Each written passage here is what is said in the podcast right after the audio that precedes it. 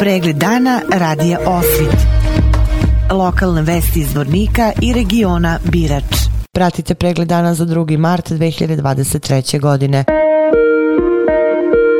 Novoizabrani gradonačelnik Zvornika Bojan Ivanović preuzeo uverenje o dodali mandata u prostorijama Centralne izborne komisije u Sarajevu. Odluku o potvrđivanju rezultata prevremenih izbora za gradonačelnike grada Zvornik, Bihać, Tuzla i Srebrenik, te za načelnika opštine Bratunac i Bogošća, održanih 5. februara 2023. godine, Centralna izborna komisija Bosne i Hercegovine donela je 24. februara 2023. godine.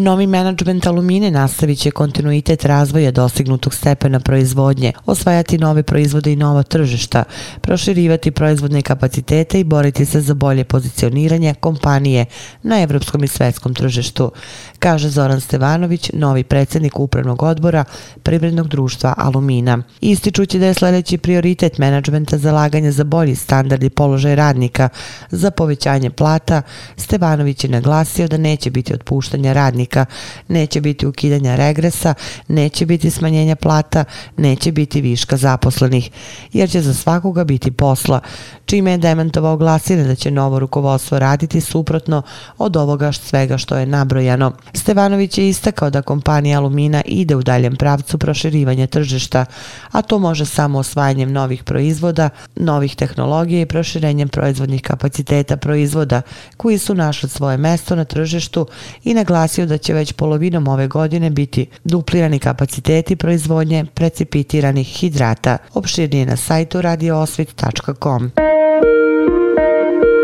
Učenici Srednjoškolskog centra Petar Kočić Zvornik održat će večeras humanitarni koncert u Domu omladine. Koncert će biti održan u dva termina u 17 i 19 časova. Cena ulaznice je tri konvertibilne marke. Prilog od ulaznice je namenjen porodici Dragić iz Branjeva za pomoć i opremanje kuće. Iza škole pozivaju sugrađane da se u što većem broju odazovu ovoj njihovoj humanitarnoj akciji, a istovremeno uživaju u programu koji su za njih pripremili članovi više školskih sekcija. Narodna biblioteka Zvornik organizuje radionicu za decu sa knjigom kroz svemirska prostranstva. Na radionici učesnici će se kroz zabavno edukativni sadržaj upoznati sa svemirom, njegovom strukturom kao i sa sunčevim sistemom. Radionica će biti održana sutra u 12.13 časova u Narodnoj biblioteci Zvornik.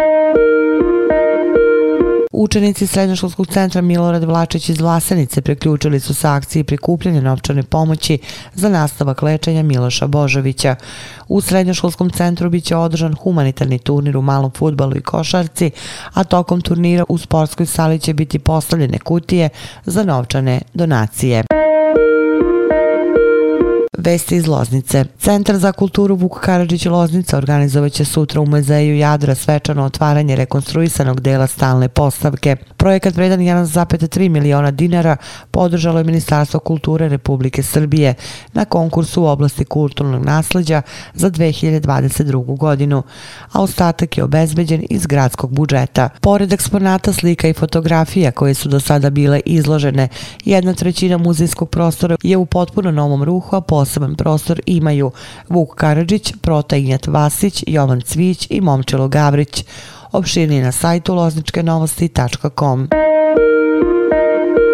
Pratili ste pregled dana za 2. mart 2023. godine.